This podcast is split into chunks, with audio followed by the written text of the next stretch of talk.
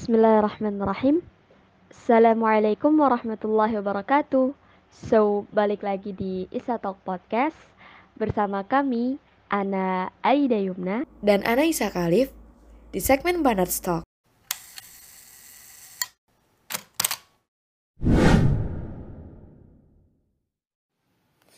Bismillahirrahmanirrahim. Alhamdulillah. Baiklah, saya akan melanjutkan lagi kisah tentang perjalanan rohani saya. Bermula pada saat itu, saya dan teman-teman sebagai santri di sebuah pesantren Ma'had.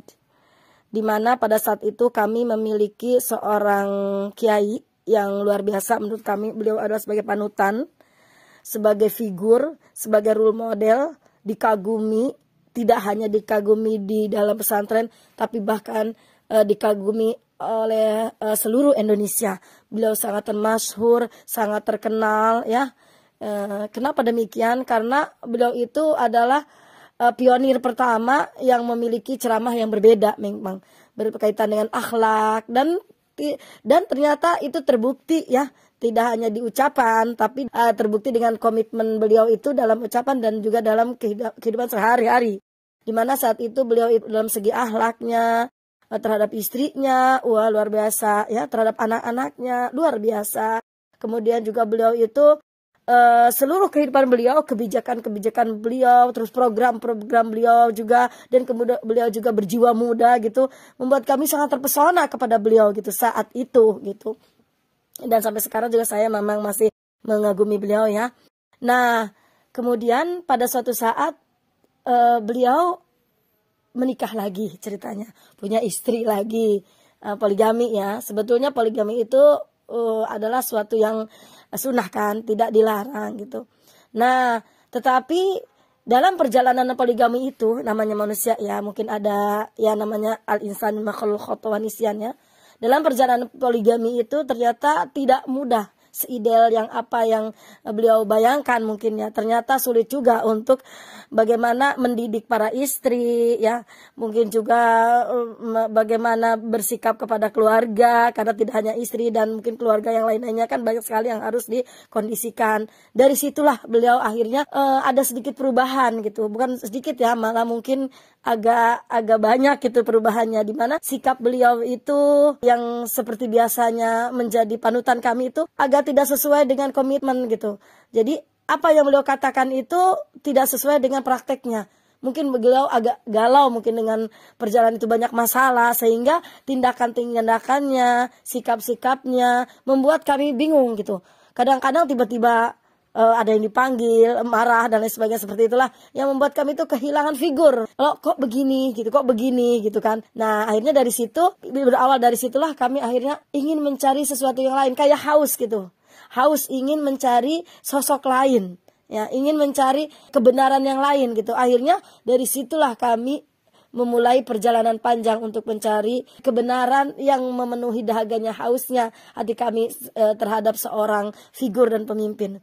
Nah, kami akhirnya bersama dengan teman-teman, ayo ah kita mencari gitu tarikat apa gitu, aliran apa yang membuat kita tuh ada harga tuh hilang, betul-betul meyakini bahwa itu hakul yakin gitu ya saat itu. Jadi kami masuk ke tarekat ini, tarekat itu, ya aliran ini, aliran itu, luar biasa perjalanannya itu. Sampailah menghantarkan kami kepada sebuah perjalanan tidak hanya lintas tidak tidak hanya lintas tarekat, tidak hanya lintas mazhab, manhaj, tapi bahkan lintas negara gitu sampai ke Malaysia, ke Singapura, bahkan mungkin ke dekat-dekat Thailand gitu, hanya mencari sesuatu yang membuat kami merasa puas dalam beragama gitu kan. Seperti itu waktu dulu kan memang kita masih muda ya. Jadi kalau masih muda itu gairahnya tinggi seperti itu. Nah, ternyata perjalanan itu menghantarkan kepada kami uh, sesuatu yang banyak peristiwa yang membuat kami sekarang tuh oh tercengang-cengang kok saya pernah ya menjalani perjalanan seperti itu gitu. Nah, begitulah kisahnya. Dimulai, dimulai ya setelah terjadinya pergolakan di pesantren kami dan kemudian banyak juga yang keluar dari pesantren. Kemudian pada saat itu perekonomian juga akhirnya uh, terpuruk uh, ya karena ya ya tidak bisa diceritakan itu ya. Kemudian pesantren kami itu akhirnya mencari sebuah model sebuah formula gitu untuk membangkitkan lagi perekonomian dan ketemulah dengan satu golongan di mana golongan ini ya aliran ini dia mengakunya adalah sebuah kelompok pergerakan gitu. Jadi ada sebuah pesantren yang memiliki perekonomiannya yang bagus gitu ya dia punya ekspor impor, kemudian beliau juga uh, punya sekolah, rumah sakit, semua sendi-sendi kehidupan itu dia miliki di di berbagai eh, wilayah-wilayah uh, di Malaysia sana gitu ya. Nah, udah begitu dipanggil lah kelompok tersebut ke pesantren kami untuk berbicara gitu, untuk diadakan ceramah gitu ya, diadakan talk show lah kayak gitu. Nah, akhirnya pada suatu hari di hari Senin seluruh santri disuruh berkumpul di sebuah aula di memang di situ tempat kita mengadakan acara mengadakan pelatihan-pelatihan dan didatangkanlah kelompok itu yang konon katanya datang dari Malaysia Nah, ketika mereka itu menyampaikan materinya, kami sangat terkagum-kagum. Karena apa? Katanya eh, perekonomiannya itu bisa begitu bagusnya, eh, kemudian juga uh, maju dari berbagai segi pendidikannya, kesehatannya, kemudian semuanya pokoknya maju, tapi dipimpin oleh seorang kiai gitu katanya. Kok bisa ya ekspor impor ke Amerika tapi dipimpin oleh seorang kiai. Beliau juga mempunyai kelompok itu punya armada dan lain sebagainya. Itu terjadi di tahun 2008. Nah, dari pelatihan tersebut akhirnya kami tertarik tertarik tertarik dan mencari informasi di mana markasnya gitu di mana pesantren yang ada di Indonesia nya gitu. Kami mencari dan akhirnya ketemu ya di mana di situ yaitu ketemunya ada di wilayah Bandung juga gitu ya. Nah udah ketemu kami setelah itu kami masuk ke mereka, masya Allah mereka itu menyambut kami luar biasa. Penyambutannya seolah-olah kami itu adalah saudara lama yang udah lama tidak ketemu gitu kan. Dan akhirnya mereka menyambut kita dan dari situlah kami tertarik betapa persaudaraannya gitu luar biasa dan mulailah kami tertarik dan mulailah kami ikuti kajian rutin setiap hari Jumat kalau nggak salah. Rutin rutin rutin rutin. Dan semakin tertarik tertarik itu merasa itu masuk akal benar betul.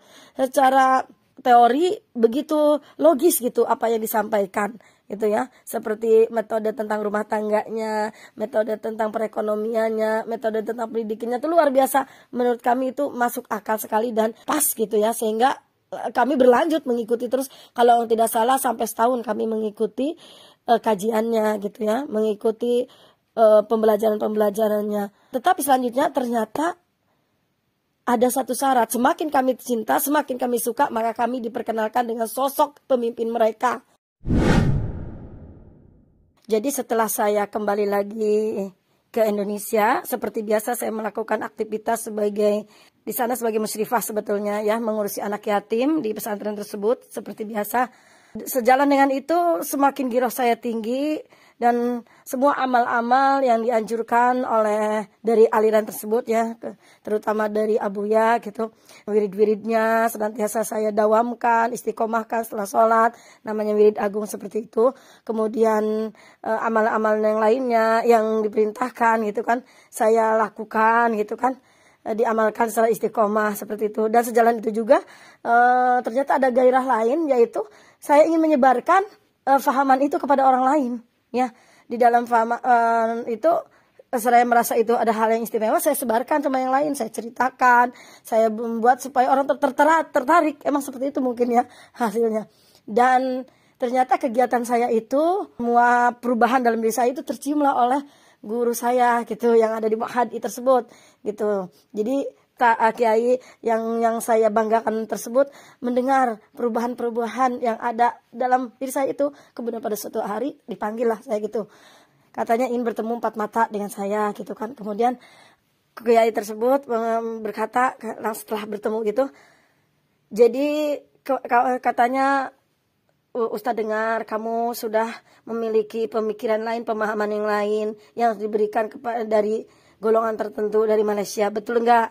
Ya, gitu kan. Ya Ustadz, itu saya panggil Ustadz sebenarnya saya manggilnya beda bukan Ustadz ya, pemilihan khusus kepada beliau gitu. Sekarang kamu pilih katanya gitu dengan tegas ya.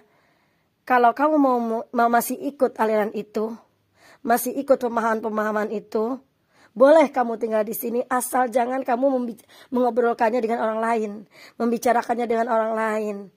Kamu boleh diem, tapi harus diem. Tapi kalau kamu masih seperti itu, silahkan mau pilih di sini atau di sana. Nah, mendengar itu, kemudian dengan tidak ragu, Ana bilang kepada Ustadz, ya, insya Allah sepertinya saya yakin dengan yang saya jalani sekarang ini. Seperti itu. Dan akhirnya ya itu terserah hidupmu adalah pilihanmu kata Ustadz kan ya dan akhirnya uh, berakhir dengan uh, perbincangan itu dengan uh, keputusan saya harus pergi ke Malaysia lagi.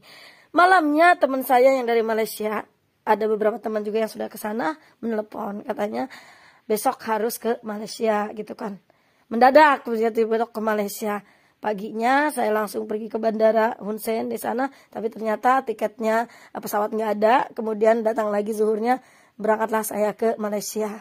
Nah dalam perjalanan itu uh, ada ada banyak rintangan gitu ya ketika sampai ke bandara sana kemudian ke imigrasi eh, di, di diinterogasi dilihat paspornya ah katanya bermasalah di situ. Kenapa paspor ini uh, kamu udah berapa kali nih keliling-keliling sini paspornya hampir penuh. Kenapa kamu ke sini sendirian? Ya udah diinterogasi kamu bawa uang berapa dan lain sebagainya. Kemudian saya ditahan karena saya bilang ke sini saya mau ke saudara seperti itu kan. Tapi ternyata ditahan. Terus saya telepon teman saya yang di sana. Ada nanti katanya dijemput sama uh, sama utusan dia gitu. Datanglah dua orang gitu kan laki-laki membawa foto saya ke tempat interogasi tersebut. Kalau tidak dijemput, pasti saya dimasukin penjara gitu ya. Masuk penjara itu menunggu siapa yang menjemput. Nah, ke mereka tuh mungkin dan akhirnya dijemput dan kalau dijemput udah bebas seperti itu. Nah, ternyata uh, saya tuh kita punya pemahaman kalau ada kesusahan kita tuh harus membacakan wirid itu. Nah, seperti itu. Ayo ada keyakinan seperti itu. yang nggak pahamnya dulu tuh. Begitu aja kemudian berangkatlah uh, saya diajak dengan orang tersebut gitu yang sebenarnya saya juga kenal siapa dia gitu ya tapi saya percaya aja karena dia adalah uh, termasuk dari orang-orang dalam aliran tersebut gitu ya dan saya diajak ke sebuah bandara lagi bandara yang beda terus saya pergi lagi dari bandara dalam negeri ya misalnya dari negeri ke negeri yang lainnya.